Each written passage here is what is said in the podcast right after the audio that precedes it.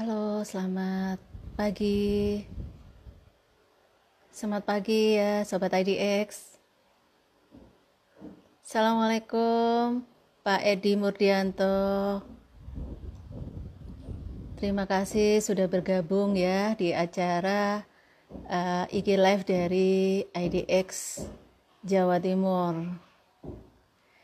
Hari ini kita akan ngobrol dengan salah seorang praktisi ya, praktisi di pasar modal yang namanya mungkin sudah dikenal banget oleh uh, sobat IDX semua.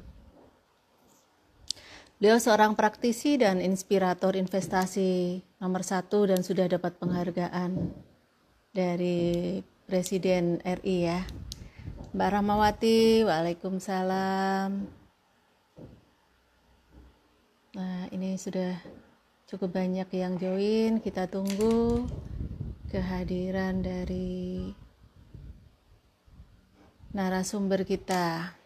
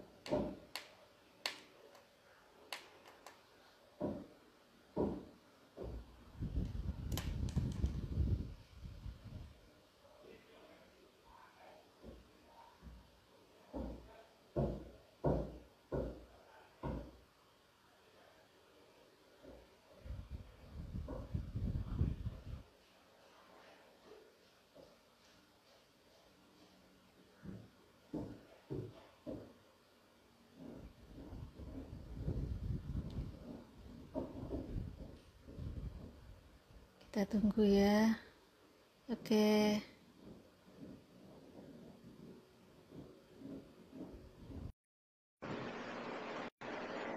Nah, kita tunggu narasumber kita. Selamat pagi. Halo. Pagi, semangat pagi. Luar iya, biasa ya. Iya, iya, iya. Kabar ya, baik siap. ya, Mas Ryan? Kabar baik, apa kabar? Pie kabarin yang Surabaya oh. dan sekitarnya.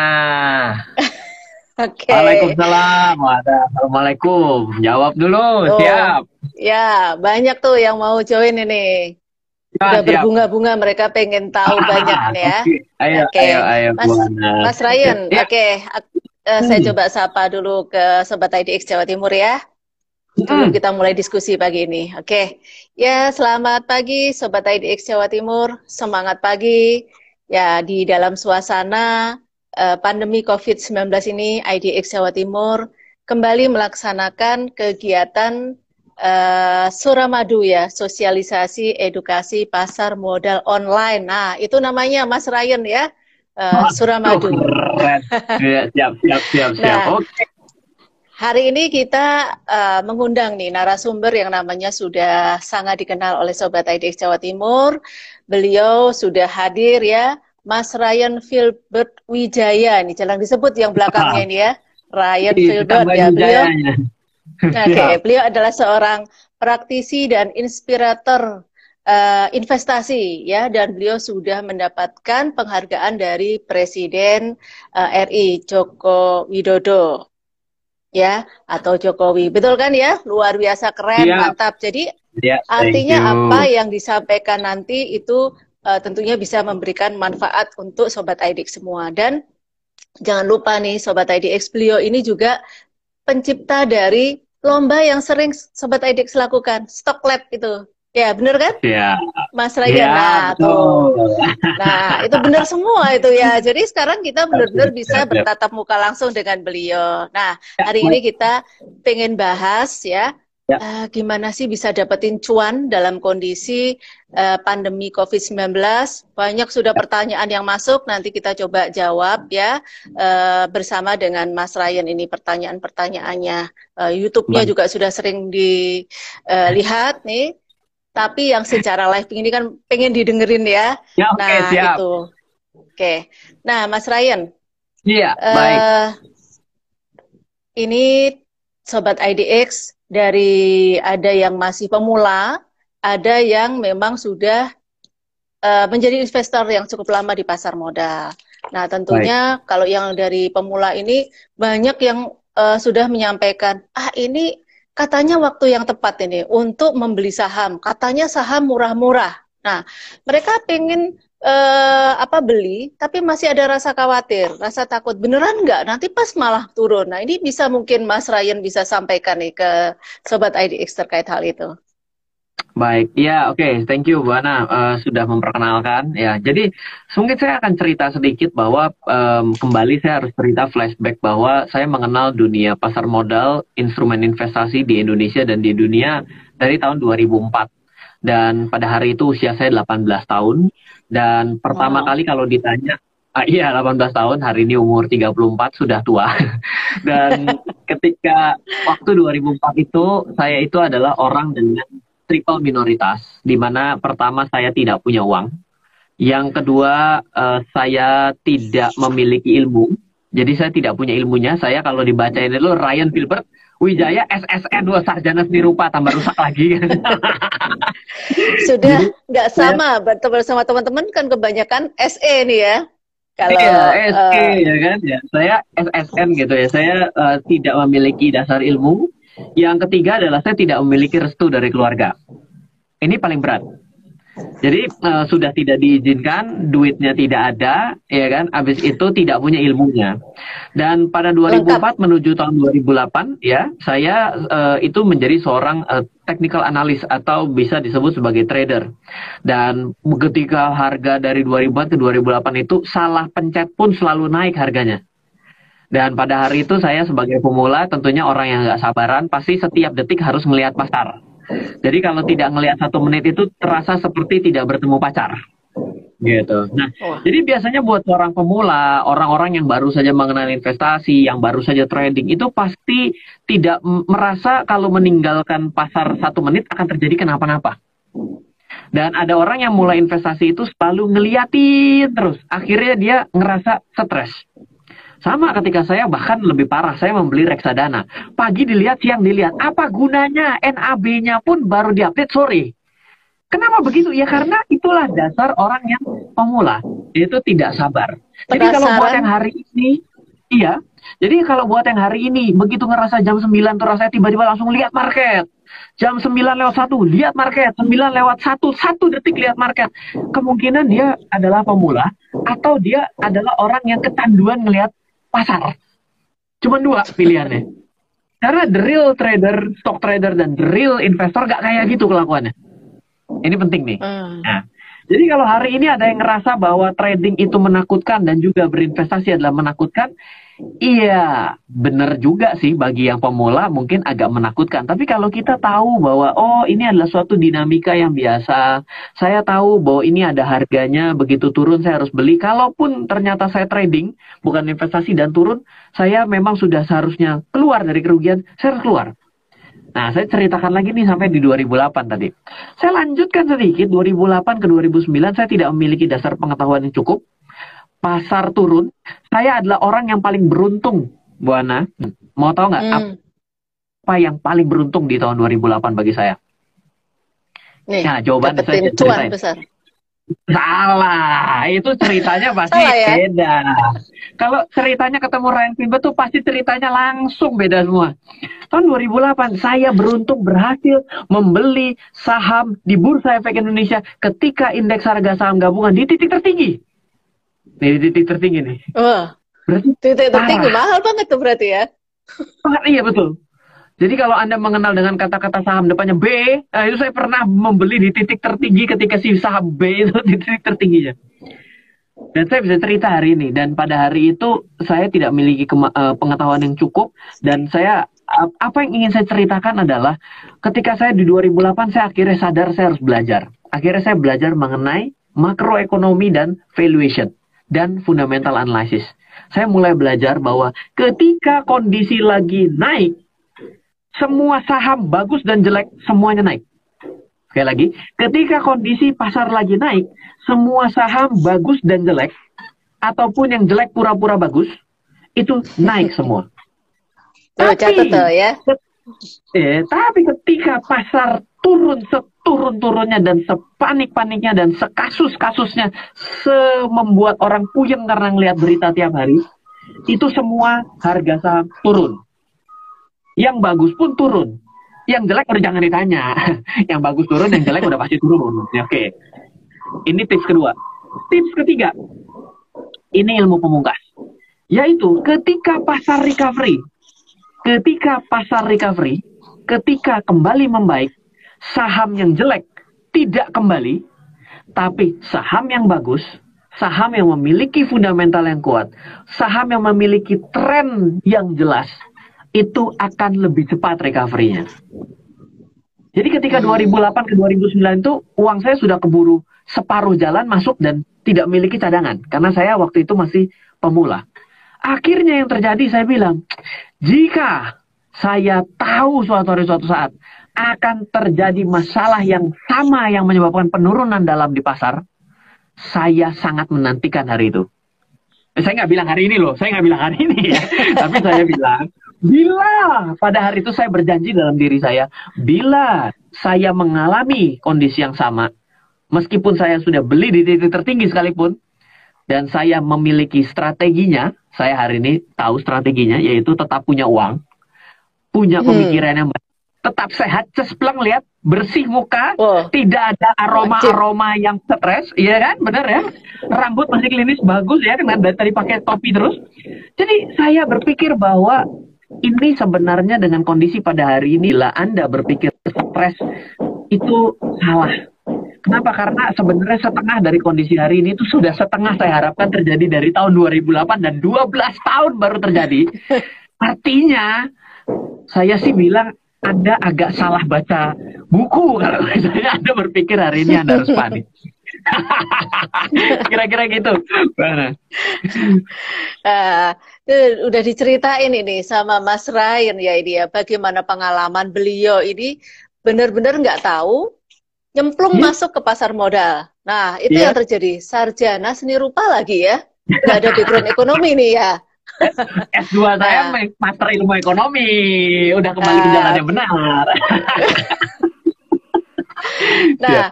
artinya ini buat sobat IDX yang merasa bahwa saya ini masih pemula, saya ini nggak tahu apa-apa, jangan khawatir. Nah, ya ini kita bisa dengerin lebih lanjut seperti apa tipsnya? Tadi sudah disampaikan kan tiga hal tadi yang membuat teman-teman yes. itu tetap harus semangat, yakin yeah. bahwa uh, memang kita harus belajar supaya bisa iya. dapetin yeah. cuan tadi, begitu ya? Profit nah, from panic. Okay. Profit from panic. Oh. Oke, okay, siap. Profit from panic yang sudah ditunggu yeah. sejak tahun 2008. Nah ini waktunya hmm. ini ya, artinya begitu kan ya? Jadi artinya teman-teman sobat IDX tidak perlu khawatir, malah ini ya. kita tidak boleh panik, kita bisa dapetin sesuatu, begitu kan ya? Baik. Nah, uh, ini ada yang menanyakan lagi ini, Mas Ryan ya.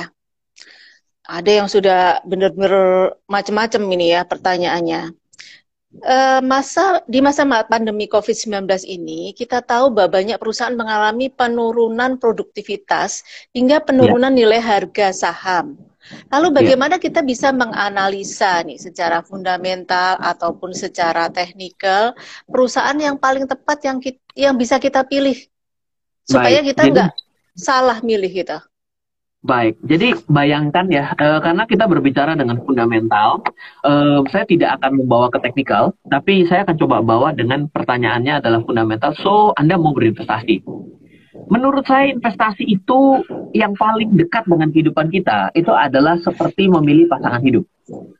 Ketika kita mau menikah, ketika kita mau memilih seorang pasangan hidup, tentunya kita akan melihat bukan kondisi pada hari ini saja. Kenapa? Kalau kita melihat kondisi pada hari ini saja, maka bisa misleading Kalau kita lihat, oh ternyata memang dia dari keluarga yang baik-baik, nggak hobinya ngutang, nggak suka minum minuman keras, tapi punya perusahaan sahamnya saham perusahaan minuman keras nggak apa-apa ya kan?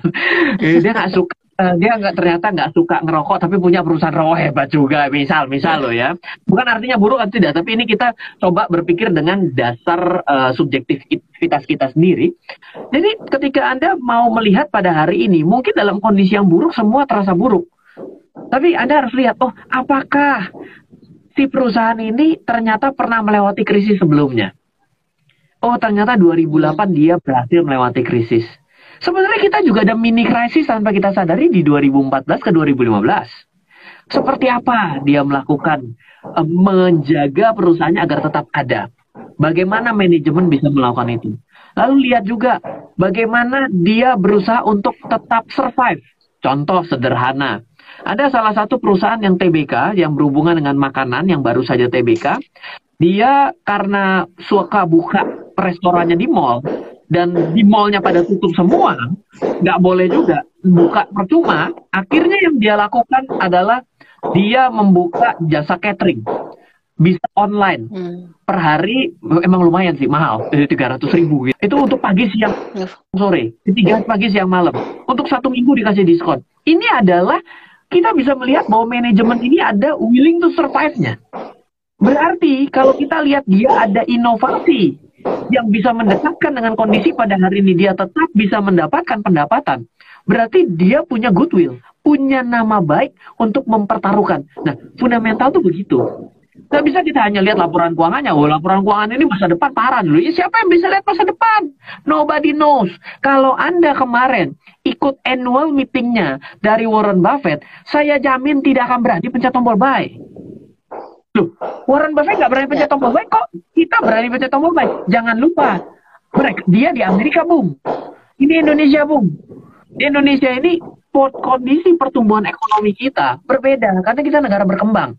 Anda juga tidak saya minta untuk investasi di perusahaan Coca-Cola Company kan, yang ada di Amerika sono. Ini bicara tentang market bursa efek Indonesia.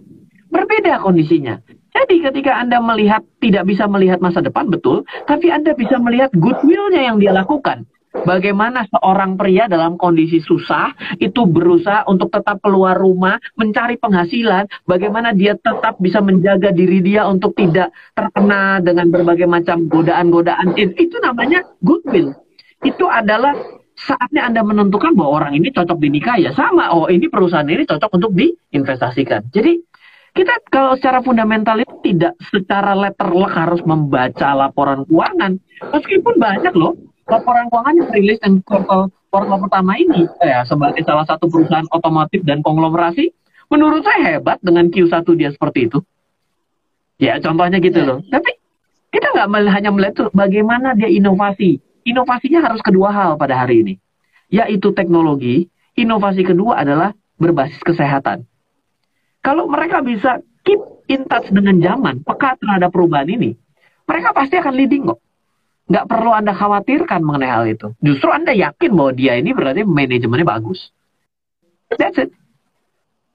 Nah, tuh, sudah disampaikan. Jadi, artinya dalam memilih saham itu benar-benar kita seperti memilih pasangan hidup tadi kan? Nah, ya, kita lihat, kita benar-benar melihat bagaimana perusahaan ini benar dia mau berjuang, mau mempertahankan supaya terus mendapatkan laba dalam situasi yang memang buat kita semuanya ini sulit. Tadi Mas Ryan sudah sempat sampaikan tentang Warren Buffett tadi juga itu ya. Nah itu juga ada pertanyaan yang disampaikan. Nah kenapa kita masih beli beli ya, sedangkan Warren Buffett sendiri malah menjual saham-sahamnya. Dia mau pegang cash. Uh, seperti ya. itu kan yang didapatkan di dan itu adalah salah satu pertanyaan yang diajukan ternyata ya. sudah kejawab ya uh, karena ya. kita pada nah, tempat nah, yang berbeda ini tadi. Pertama tempat yang berbeda, yang kedua kita harus uh, kita harus bisa mengambil satu kondisi uh, tidak selalu dan selamanya yang orang lain lakukan harus kita tiru. Mungkin bagi orang-orang yang tidak memiliki uh, apa namanya ya, tidak per, tidak memiliki dasar pengetahuan, saya belajar krisis itu dari tahun 1890 Jadi walaupun usia 34, saya mempelajari pemetaan krisis di dunia, saya mulai membuka kembali itu di 2008-2009. Sehingga Anda mungkin bisa mendapati salah satu buku saya, judulnya adalah The Secret Stock Market in Century, ya lumayan bisa jualan, colong jualan di depan Instagram IDX Jawa Timur gitu ya. Jadi apa yang saya pelajari adalah sebenarnya saya tidak terlalu peduli karena saya yakin sekali tidak akan ada orang yang bisa memprediksikan dengan tepat naik dan turun. Saya yakin itu setelah yeah, saya yeah. belajar nih dengan hari ini saya semakin yakin bahwa nobody knows, even Warren Buffett sekalipun, gitu ya. Bukan artinya gue lebih pintar dari dia, salah, bukan itu. Tapi saya mau mengambil satu namanya uh, the easy way atau no brain investment strategy. Kenapa? Karena semua strategi sudah pakai otak, kita coba cari strategi dasar apa yang bisa selalu menyelamatkan kita dari segala jenis krisis yang pernah terjadi dari tahun 1890. Saya berusaha mencari benang merah itu. Ternyata saya mencoba krisis tahun 1920, krisis tahun 1970, tahun 2000, 1980, tahun 2000, ah, 90-an, tahun 2000 awal, dan tahun 2018. Setelah dicoba di seluruh dunia, pasar turun semua orang pasti tidak akan pernah bisa tepat. Kalau tepat dia mungkin hoki, tapi tepat berkali-kali itu nggak ada. Nah, yang menarik adalah ada satu strategi yang ternyata bisa kita lakukan selama marketnya mendukung. Ingat, ingat, ingat, ingat ada satu garis bawah adalah market yang mendukung. Ada satu strategi yang bisa dilakukan adalah ketika kita terus membeli, keep buying, tapi tidak serakah membeli loh. Artinya hari ini beli 100, kalau marketnya turun kita masukin 100 miliar ya. 100 juta versus 100 miliar tuh nggak cocok lawannya. Nah, tapi kalau kita keep buying dengan nominal yang sama, ternyata bila pasarnya jatuh 10 tahun baru break even, kita ternyata bisa kembali hampir 50% lebih cepat. Jadi kalau pasar 10 tahun, kita recovery 5 tahun. Pasar jatuh 5 tahun, kita recovery dua setengah tahun. Hanya dengan satu metode sederhana, yaitu keep buying. Dengan kondisi hmm. yang konsisten. Yang memang masalah dengan kelasnya Warren Buffett. Dia kan sudah ratusan miliar juta dolar ya iya uh, sampai nolnya pun banyak gue jadi bingung sendiri ya. itu nggak bisa ngitung lah kita ya sehingga ketika dia mau melakukan rebalancing ini gajahnya sudah begitu besar berkontainer-kontainer sehingga dia harus menembak dengan uang yang lebih besar lagi ya. Jawabannya adalah dia harus menyiapkan uang yang lebih besar untuk menembak sehingga dia mendapatkan nilai average yang lebih bawah dari kondisi dia. Kalau dia cuma sedikit, dia nggak akan bisa mengerek turun. Jadi strateginya sebenarnya sama. Dia menyiapkan cash karena dia punya keyakinan dan confidence level yang lebih uh, ultra. Dia mengatakan bahwa dia adalah ultra konservatif dalam annual meetingnya. Dia mengatakan kemarin ultra konservatif. Kalau Anda tidak ultra konservatif, ya Anda keep buying. Dia tetap mengatakan keep buying stock loh. Jadi boleh dibilang kadang-kadang gini, kok kamu menyarankan sesuatu yang berbeda dengan yang kamu lakukan? Iya, karena kondisi yes. keuangan dan sesuatu yang harus dia selamatkan kondisinya berbeda. Anda pada hari ini entry di mana Anda belum pernah memiliki saham, lebih jelas tambah beda lagi. Bu, kalau Warren Buffett ngomong sama orang ini, jangan-jangan kamu masuk aja semuanya, bisa begitu. Gitu. Tapi kita kan harus ada konservatif dan juga agresif dan juga positif ya. Jadi agar kita bisa melakukan keseimbangan. Jadi dengan kondisi pada hari ini Warren Buffett pegang cash karena dia mau mengaverage lebih rendah. Tapi kan kalau Anda konsisten masuk dengan nilai yang sama, jangan lupa ya Warren Buffett kemarin sudah membuy membuy back sahamnya di Januari dengan nilai yang besar sekali. Anda kan tidak kan? Eh, jadi pasti case by case-nya nggak sama seperti itu. Ya, Padahal orang selalu menangkapnya tuh Warren Buffett-nya malah jualan. Kenapa kita malah beli? Nah, itu yang dicatat dan digarisbawahi oleh uh, nah. masyarakat ini ya. Ini yang kita harusnya tidak boleh seperti itu, tapi harus Betul. tahu alasan dibaliknya. Betul. Oke. Okay. Nah, ini tadi sudah banyak juga yang bertanya juga uh, ini terkait dengan IHSG. Sebenarnya ini kalau uh, saya nangkapnya kita disuruh meramal nih, Mas Ryan suruh meramal ya ini nantinya apakah IHSG akan bisa balik lagi ke angka 3000 malah 2500 tuh. Gimana tuh Mas Ryan? Ya, jadi uh, sebenarnya kalau kita semuanya selalu dalam kondisi buruk ya. Dalam kondisi buruk itu akan selalu banyak berita buruk. Dalam kondisi baik akan selalu banyak berita baik.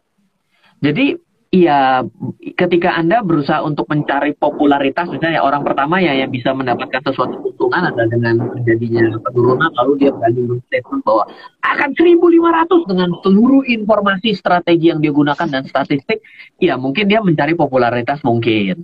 Yang kedua adalah ketika Anda mengatakan turun dan uh, saya dipaksa untuk menganalisis untuk turun ya selalu ada kemungkinan untuk turun tapi bagaimana kalau ternyata di bulan Maret kemarin adalah harga terendah?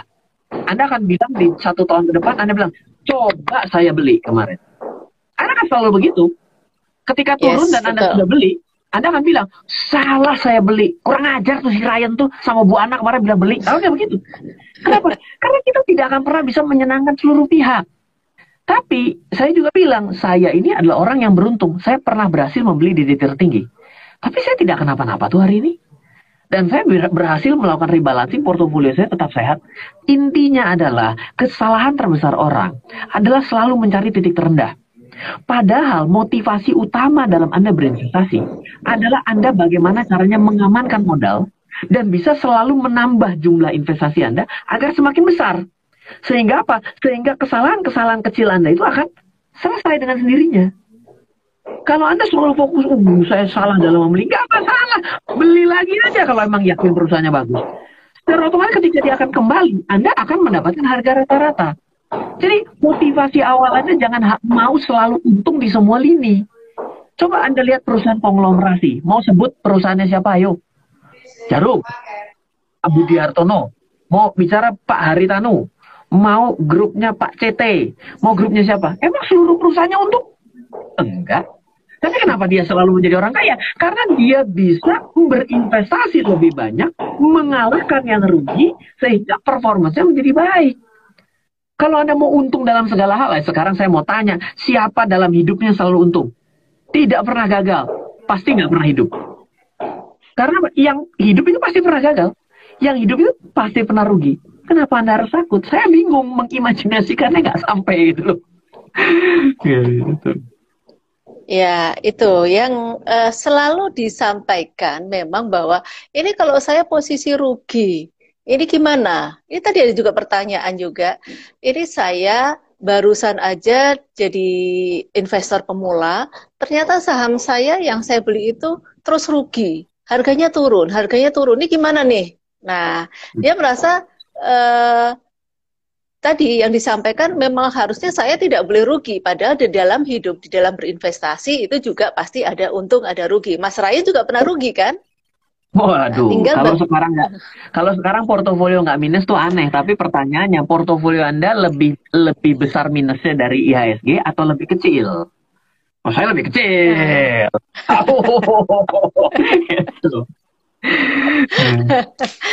ya, jadi yang namanya uh, investasi itu pasti ada uh, risk, ada return. Memang PR kita adalah bagaimana meminimalisir kerugian tadi, gitu kan ya? Risiko, nah, maksudnya meminimalisir ya. risiko. Saya mau tambahkan sedikit tadi Bu Ana bahwa mungkin pada hari ini dia sudah memilih saham. Ingat, ada hukumnya ada tiga yang di awal saya sampaikan adalah ketika kondisi baik, saham jelek, saham bagus semua naik ketika saham lagi turun parah, maka semua saham baik, semua saham jelek, semua sama-sama turun. Tapi yang menarik adalah bila ketika turunnya semua turun, ini semua hampir semua, bukan hampir semua indeks kita turun secara sektoral. Ini adalah suatu sinyal bahwa Anda akan masuk ke dalam ke dalam pemilihan yang ketiga. Perusahaan yang bagus akan cepat recovery-nya. Perusahaan yang jelek bisa jadi tidak akan pernah recovery. Menjadi refleksi bagi Anda pada hari ini, apakah saya ngomong ya meskipun saya di depan Bursa Efek Indonesia, saya tetap bilang, dari 700 saham, tidak 700-700 saya layak untuk Anda beli. Anda harus dewasa dalam memilih. Dan Anda harus menyesuaikan dengan kriteria risk profile dari Anda. Contoh, Anda tidak terbiasa dengan fluktuasi. Jangan dekat-dekat saham-saham berbasis pertambangan. Jangan dekat-dekat dengan saham-saham turunannya, karena Anda tidak memiliki pengetahuan yang cukup dan Anda tidak begitu mengerti strategi dalam berinvestasi pada saham-saham yang berbasis itu. Kenapa? Karena akan langsung terjadi transfer pricing seketika harga minyak jeret turun 5%, jeret naik 7%, harga emas jeret naik, itu langsung akan berimpact.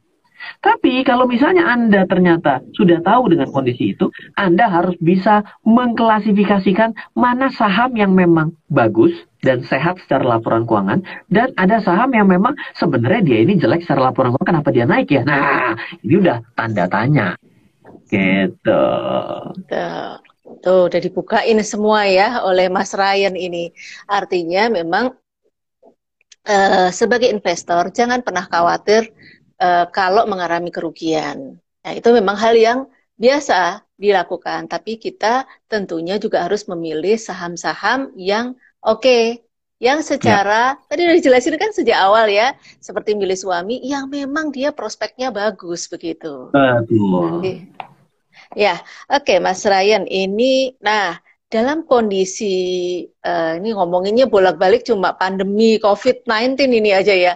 Nah, dalam kondisi pandemi seperti ini, kenapa sih kok malah kita ini disuruh uh, investasi saham. Padahal banyak investasi yang lain nih. Ada investasi mungkin emas, properti. Kenapa kita malah disuruh memilih investasi saham? Ya, jadi uh, pertama kalau misalnya harus langsung bicara investasi saham karena uh, pertama saham itu adalah suatu instrumen yang paling adil.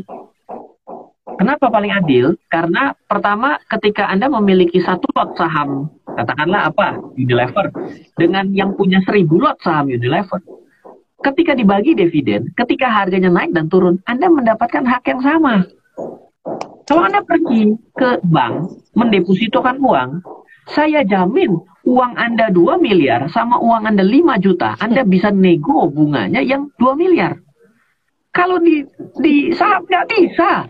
Eh saya seribu lot loh, tolong kasih dividen saya lebih banyak. Oh raiso, raiso. Jadi paling adil. Fairness ini bagi orang kecil kan kadang-kadang tidak difairkan kan. Jadi ini menjadi paling adil. Yang kedua, saya juga bukan seorang investor yang hanya punya saham dalam portofolio saya. Saya juga punya emas. Saya juga punya investasi di luar negeri. Saya juga punya investasi perusahaan yang ada di Indonesia.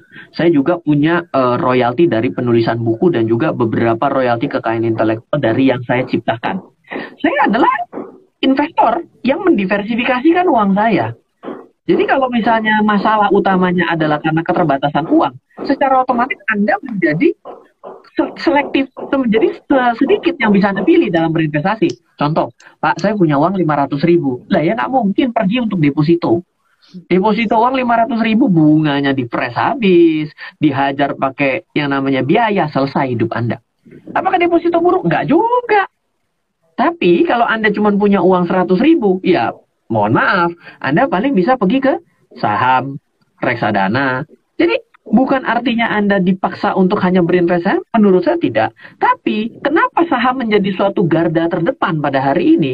Karena investasi di pasar modal di Indonesia dan di dunia, berdasarkan yang saya teliti sendiri, kalau Anda investasi di atas lima tahun dan secara berkala, kemungkinan Anda rugi sangat kecil minusnya kecil.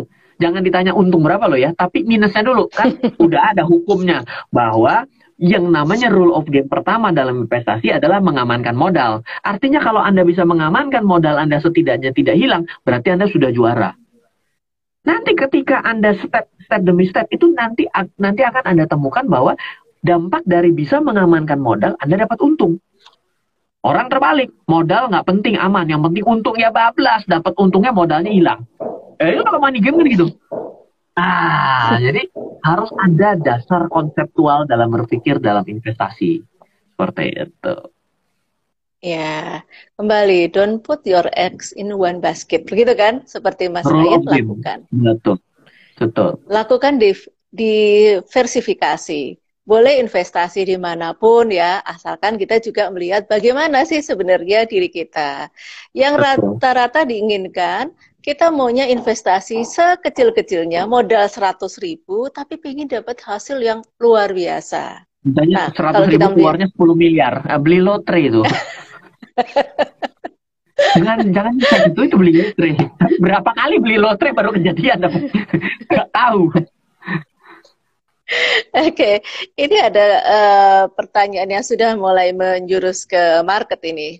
Uh, ini terkait yeah. dengan uh, salah satu bank ini, BBRI. Bagaimana BBRI. secara fundamental? Ya.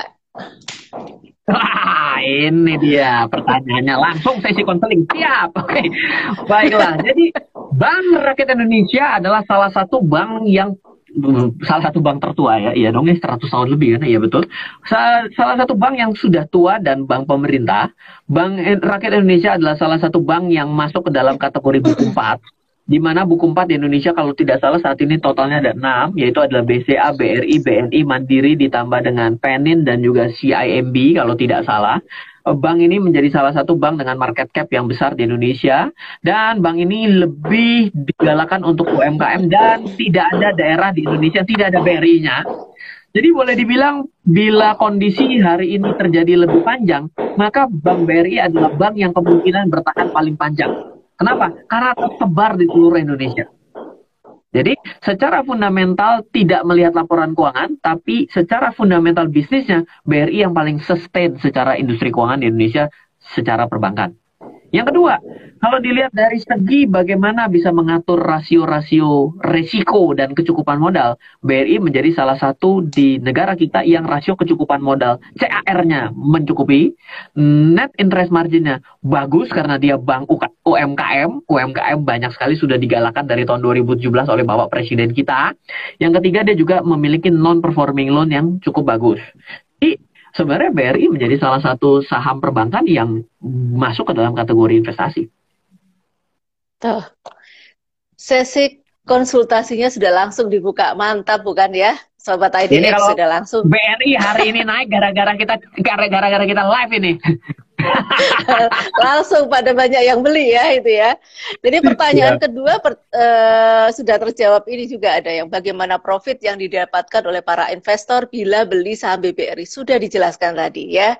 Ini adalah salah satu saham yang layak menjadi pilihan untuk investasi. Tapi dengan 100 ribu nggak bisa ya kalau untuk BBRI tadi. Kurang. Nah, kurang. Kalau BBCA gimana itu? Lebih kurang Ada yang tanya. Ribu nggak bisa beli BCA. Satu lotnya nah, juta lebih, kok. Nah, itu. Nah, ini ada pertanyaan juga begini. Mas Ryan, menurut Mas Ryan, lebih baik saya investasi secara rutin dengan dana 100 ribuan itu, ataukah saya mending langsung banyak uangnya saya uh, saya belikan uh, apa namanya saham yang banyak selesai habis itu saya diem. Gimana menurut Baik. Mas Ryan ini? Jadi uh, ada ada dua strategi yang paling mungkin dilakukan oleh orang yaitu disebut dengan lamsam method. Artinya seketika dur seketika aja segajah-gajahnya dimasukin habis itu tinggal tidur 10 tahun lagi. Ada orang yang membeli secara berkala. Nah kalau ditanya begini Ryan Ryan gini deh. Saya mau tanya kalau sebelum 2020 strategi mana yang apakah ber, membeli berkala atau selamsam segejrut gitu itu langsung bisa dapat untung? Lebih gedean mana untungnya? Maka saya jawab sebelum 2020 bila anda lamsam. Di tahun berapapun dari tahun 1990 anda selalu untungnya lebih besar daripada yang membeli berkala. Oke? okay? Terus Anda bilang, kalau gitu uh, Ryan merekomendasikan untuk sekarang membeli sebanyak-banyaknya dengan menggadaikan anak istri. Yang enggak juga. kan kita nggak tahu masa depan. Tapi kalau ditanya historis, maka lamsam selalu. Tapi ada kelemahan dari lamsam. Satu, Anda harus menyiapkan modalnya sebesar-besarnya di awal. Emang punya. Tadi katanya 100 ribu mikir. Ini begitu tiba-tiba mau segede-gedenya. Nggak kongruen statement itu. Jadi, kelemahan lamsam adalah harus sebesar-besarnya di awal. Jadi di mana kita tidak memiliki kemampuan untuk bisa berinvestasi sebesar-besarnya di awal. Yang kedua, metode lamsam ini tidak cocok dilakukan oleh seorang investor pemula. Kenapa? Investor pemula itu sama seperti orang yang baru pertama kali pacaran. Beda sama playboy cap kampak yang sudah pacaran 20 kali. Kalau yang sudah pengalaman pacaran, dia sudah tahu seluk-beluknya kapan waktu yang tepat megang tangan. Dia udah tahu seluk-beluk dengan tepat kapan bisa membuat si cewek atau cowok ini kelepek-lepek. Karena pengalaman. Dan biasanya dia seperti singa. Diam aja ngeliatin mangsa. Lucet gitu kan. Tapi kalau pemula, oh nggak bisa. Pemula yang baru pertama kali. Pengennya tiap hari pegangan tangan. Dia bilang, apa sih lu risi lo? Bisa begitu. Itu terjadi. Karena pemula itu nggak sabaran. Jadi kalau Kenapa lamsam saya tidak sarankan dengan kultur demografi di Indonesia di mana 250 juta penduduk Indonesia yang satu persen yang baru di pasar modal dan kita kemungkinan sedang live untuk menonton orang-orang yang masih pemula ini nggak cocok. cara strategi lamsam ini. Karena oh, soalnya gini, beli sekarang 10 tahun lagi baru lihat, buset 10 tahun lagi. Apa yang terjadi Pak? Begini, begini, begini, Pak. Dia bilang, parah nih dia bilang gitu. Gak masuk secara logika. Jadi saya sih ingin bilang bahwa lamsam itu menguntungkan di pasar kita, tapi nggak akan cocok bagi seorang pemula. Jadi kalau Anda memang seorang pemula dan merasa tidak terlalu tahu mengenai pasar, ya masuklah secara berkala. Walaupun ternyata berkala itu dalam track record kita menghasilkan return yang setengahnya dari lamsam, tapi Anda kan tidak perlu mempersiapkan modalnya di awal. Bila Anda berencana berinvestasi lima tahun, Anda punya kesempatan membeli 60 kali setiap bulan. Artinya Anda tidak perlu mempersiapkan uang 60 juta di awal kalau Anda mau investasi setiap bulan 11 1 juta. Beda logikanya. Time value of money-nya, cash flow-nya beda dibandingkan lamsam. Jadi kalau Anda mau tanya, makanya jelas. Tapi trade off selalu ada dalam hidup kita. Gitu. gitu. Jadi kita memang harus selalu melihat bagaimana diri kita ya. Tidak bisa uh, langsung kalau yang masih pemula memang ya modalnya mungkin 100 ribu ya sudah belilah saham yang memang uh, sesuai di harga 100 ribu. Bukan begitu ya? Boleh. Ininya. Iya kalau kalau mau kalau mampu kalau kemampuan seseorang itu dalam investasi yang benar itu adalah setidaknya dari pendapatan yang dia miliki dia bisa punya 20% itu dialihkan kepada investasi. Jadi jangan punya penghasilannya 100 juta, investasi sahamnya 100 ribu. Sampai meninggal pun nggak akan cocok itu hasil hasil investasinya. Tapi kalau punya pendapatannya 3 juta, 20 persen 600 ribu, nah itu baru menginvestasikan sesuai dengan perencanaan keuangan yang tepat. Banyak orang yang kecewa loh dengan investasi. Pertama, karena uangnya tiba-tiba di ujung nggak sebesar yang diharapkan. Iya, yang kedua ya rugi, udah jangan ditanya dah. Tapi banyak orang yang kecewa. Begitu saya tanya, Pak, kenapa Bapak kecewa? Returnnya kecil, Mas Ryan. Cuma 50 persen. Awat, berapa 50 persen? Dalam hati gue, buset, gimana caranya dapat untung 50 persen? Terus kenapa Bapak dengan return yang 50 persen ini ternyata returnnya tidak menghasilkan? Iya Mas Ryan, saya cuma investasi 100 ribu. Terus pendapatan Bapak 10 juta. Ya, itu namanya ngaco. Satu persen doang diinvestasikan. Buat sedekah aja lebih banyak. Gitu. Jadi dia tidak cocok dengan kondisi seperti itu. Ya, ya, ya. Nah, inilah yang selalu uh, jadi sebuah hal yang dihadapi di lapangan. Uh, orang kita, masyarakat kita, inginnya untung gede, tapi masukin dana itu 100 ribu aja. Tapi pengennya yang tadi dibilang sebenarnya sudah dapat 50% keuntungan, hanya modalnya cuma 100 ribu. Atau ada juga yang menyampaikan begini Mas Ryan, boro-boro nih mikir saham, uh, untuk apa namanya untuk belanja saja susah. Padahal sebenarnya dia memiliki sepeda motor, uh, kemudian juga barang-barang konsumtif. Nah itulah yang selalu terjadi dengan masyarakat kita. Konsumtifnya hmm. jalan luar biasa, tapi untuk investasi selalu ogah-ogahan. Ya, begitu ya. kan dia Mas Rengnya. Nah ini sekarang nah, saya, boleh, ada boleh saya jawab boleh menanggapi yang tadi okay, boleh nggak? Okay. Iya, okay, silakan, jadi silakan. Tapi ya, teman-teman di mana pun Anda berada, bahwa uh, yang namanya hidup itu ada dua. Hidup hari ini dan hidup masa yang akan datang. Tidak ada yang pernah tahu usia tepatnya seseorang ya kan. Aduh kemarin kita baru senang sekali sobat ambiar. Oh langsung dipanggil yang maha kuasa. Sampai kaget saya lah. Ini iklannya masih tampil di TV loh. Saya bilang orangnya udah meninggal. Saya bilang itu memang hidup yang penuh misteri. Oleh karena masa depan kita perlu penuh dengan misteri uang yang kita dapatkan kan uang hari ini. Uang kita yang 100% itu, haknya itu adalah kalau benar ya, 50% terpakai untuk masa saat ini, 50% harusnya untuk kita pakai di masa yang akan datang. Kalau kita ingin masa yang akan datang kita hidupnya sama enaknya dengan hari ini masyarakat kita beli motor, beli mobil, beli rumah, istri dua, tiga, lima, tujuh, sembilan, dua belas, ikut ikut kelipatan bilangan prima mungkin ya. Itu ternyata dia memajukan seluruh uang untuk masa depannya untuk kehidupan hari ini. Sehingga bagaimana cara mencukupi kebutuhan yang masa sekarang? Jawabannya satu, please selalulah bekerja. Ya nggak salah juga sih, tapi semakin hari semakin semakin suatu hari suatu saat badan kita ini akan turun kinerjanya. Ketika badan kita turun kinerjanya, kita diminta untuk memiliki pendapatan yang semakin tinggi akibat kenaikan harga barang, Anda akan tidak mampu lagi.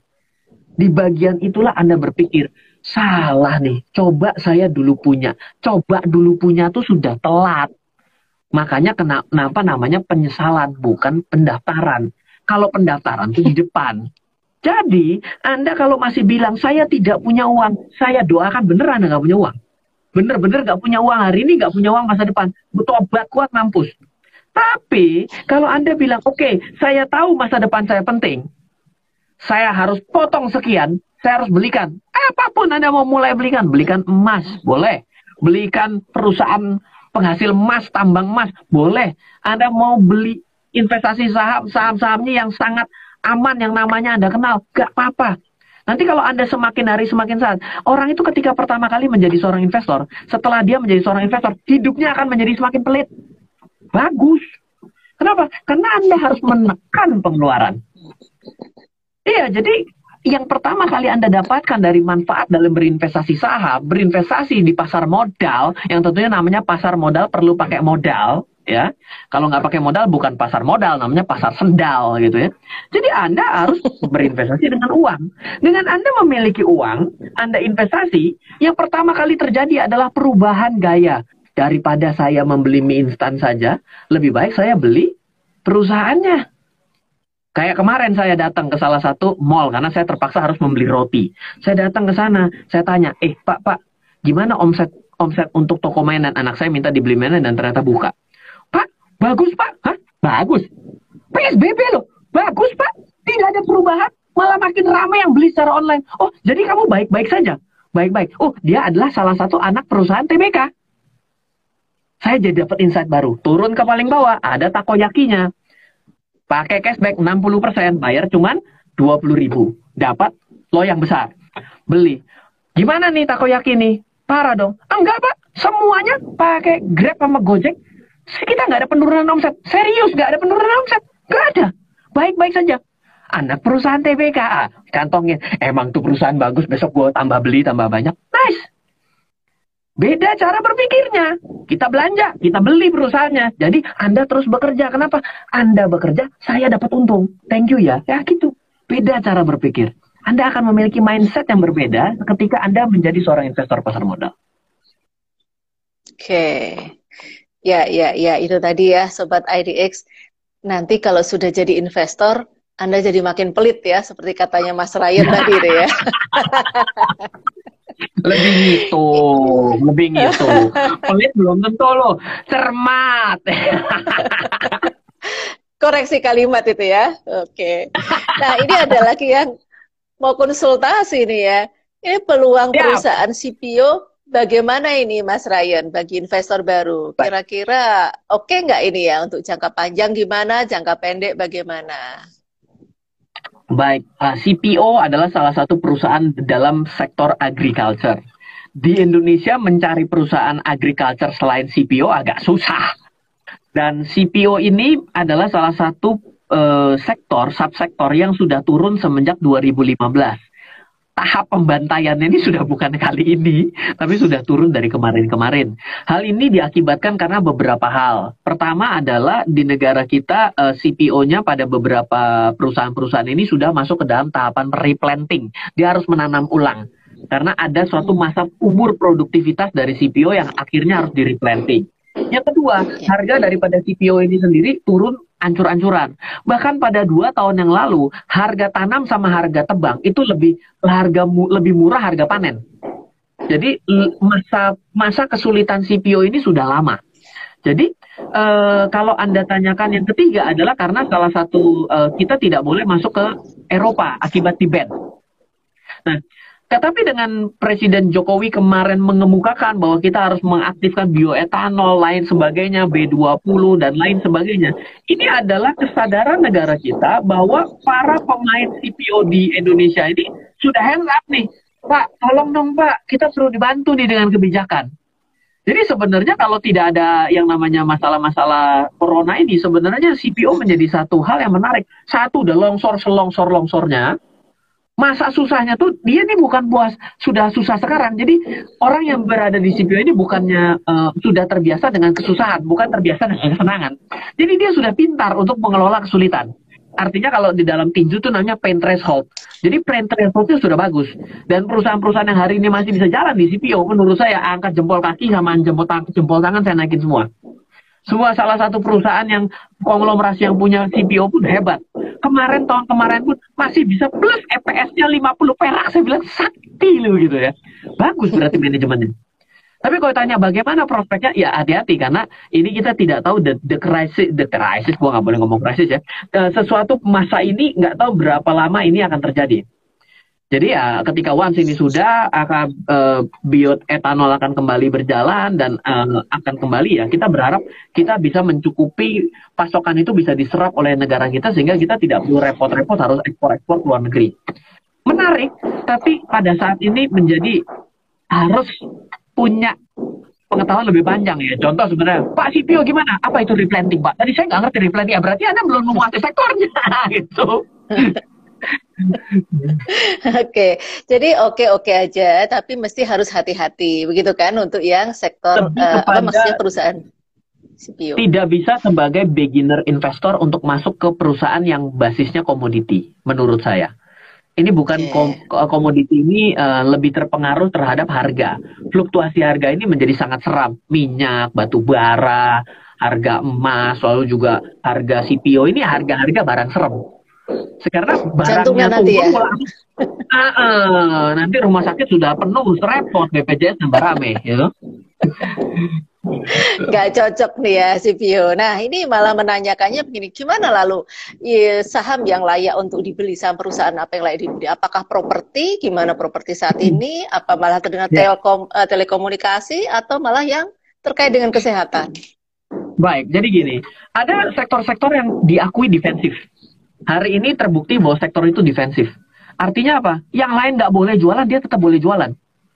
Contohnya, yang ber, mengandung me, berhubungan dengan konsumer. Hari ini tetap boleh masuk loh walaupun PSBB. Yang kedua, kesehatan. Oh, kalau berhenti lebih kacau lagi. Kesehatan. Lalu pendidikan. Pendidikan ya pun tentunya pendidikan seperti yang hari ini kita lakukan ini sebagian dari edukasi kan. Pendidikan tetap berjalan ya kan? Oleh karena itu silakan cross check dengan online course online course yang saya miliki. Ya jualan colongan mantap ya.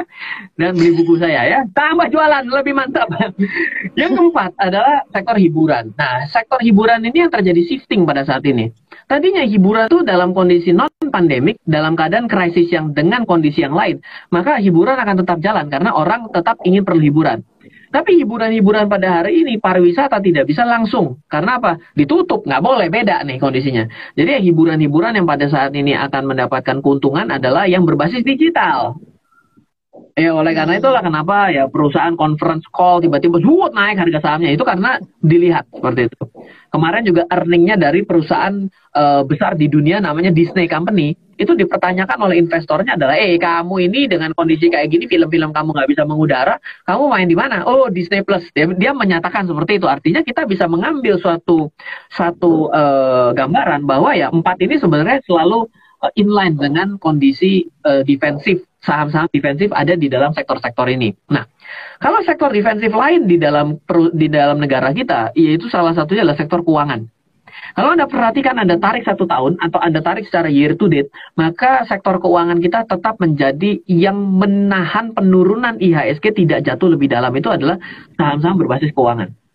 Jadi ya kalau Anda berpikir bahwa saham keuangan cocok dengan preferensi resiko Anda, ya go ahead. Nah, lalu ada tambahan lainnya yang perlu saya uh, ceritakan juga di sini bahwa uh, kalau Anda meyakini bahwa ini adalah bottom daripada market, kalau ini Anda meyakini bahwa pada hari ini adalah kondisi terburuk daripada sebuah krisis sehingga akan menjadi naik menjadi suatu sisi uptrend, maka biasanya akan recovery pertama kali itu adalah sektor properti.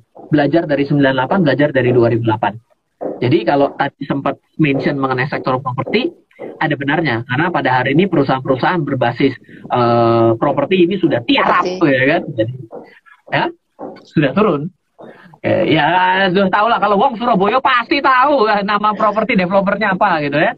Jenengnya apa ya? Pasti lebih ngerti daripada aku yang neng Jakarta. Nah, gitu. seratus ribu sudah bisa beli kan ya sahamnya perusahaan tersebut ya? Nah betul dapat tiga. tadi. nah dapat tiga lot. tuh dibocor. Bocorin itu oleh Mas Ryan ya, Sobat IDX ya. Saham properti ya. kalau mau dibeli boleh, tapi nanti waktu recovery kita baru bisa lihat hasilnya ya. Semua nah, tidak akan bisa uh, Oke. Okay. Jadi Siap. kita tetap harus memang selalu hati-hati begitu ya untuk membeli saham-sahamnya. Ini ya. menurut Pak Ryan kuartal 2 bakar hancur-hancuran nggak Pak laporan keuangannya? Um, ya, kalau dibilang hancur-hancuran, ya uh, hancur-hancuran itu ya pasti untuk saham-saham yang tidak bisa beroperasi. Hari ini itu beda ya kondisinya menurut saya bagus ya. Kita bisa membedakan adalah kondisi uh, bisa contoh contoh sederhana nih ya. Hari ini di Jakarta MRT tidak beroperasi. Jadi apa yang kita bisa lihat adalah uh, kondisinya uh, tidak diminati sama dipaksa untuk tidak akhirnya tidak ada peminat beda loh. Kalau tidak diminati itu ada orang punya uang tapi nggak mau beli. Hari ini kondisinya itu kan dipaksa berhenti. Jadi ya otomatis akan jadi cukup bermasalah bagi perusahaan-perusahaan yang memang secara operasional diminta berhenti. Nah, jadi itu menjadi kondisi yang harus Anda perhatikan. Tapi ya kembali lagi tadi ada sektor defensif dan hari ini Anda bisa lihat kok bahwa ternyata toko buah tetap harus buka, toko uh, sayur mayur tetap harus buka, lalu supermarket tetap harus ada, dan isinya dari supermarket itu kan Anda bisa tahu siapa produsennya. Lalu perusahaan-perusahaan industri keuangan hari ini tidak bisa tutup. Saya juga tidak boleh tutup karena saya juga punya industri keuangan dan itu tetap harus buka.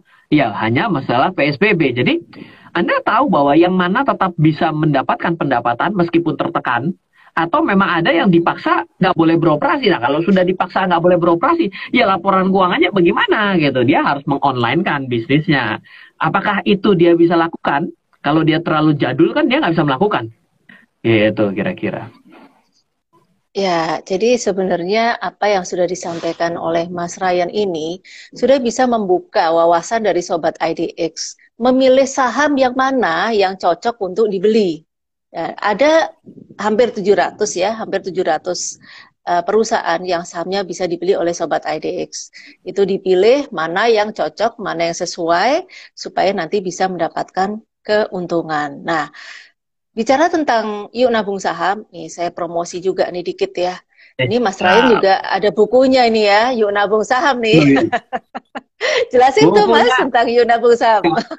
Iya, ah, ini udah kita tunggu-tunggu, kenapa nggak dari pertama ditanya? Oke, okay, uh, eh, gini Bu Ana. Jadi buku Yuk Belajar Nabung Saham, covernya putih, ada gambar Yuk Nabung Saham. Itu adalah buku yang sampai detik ini pun tidak tidak salah ada.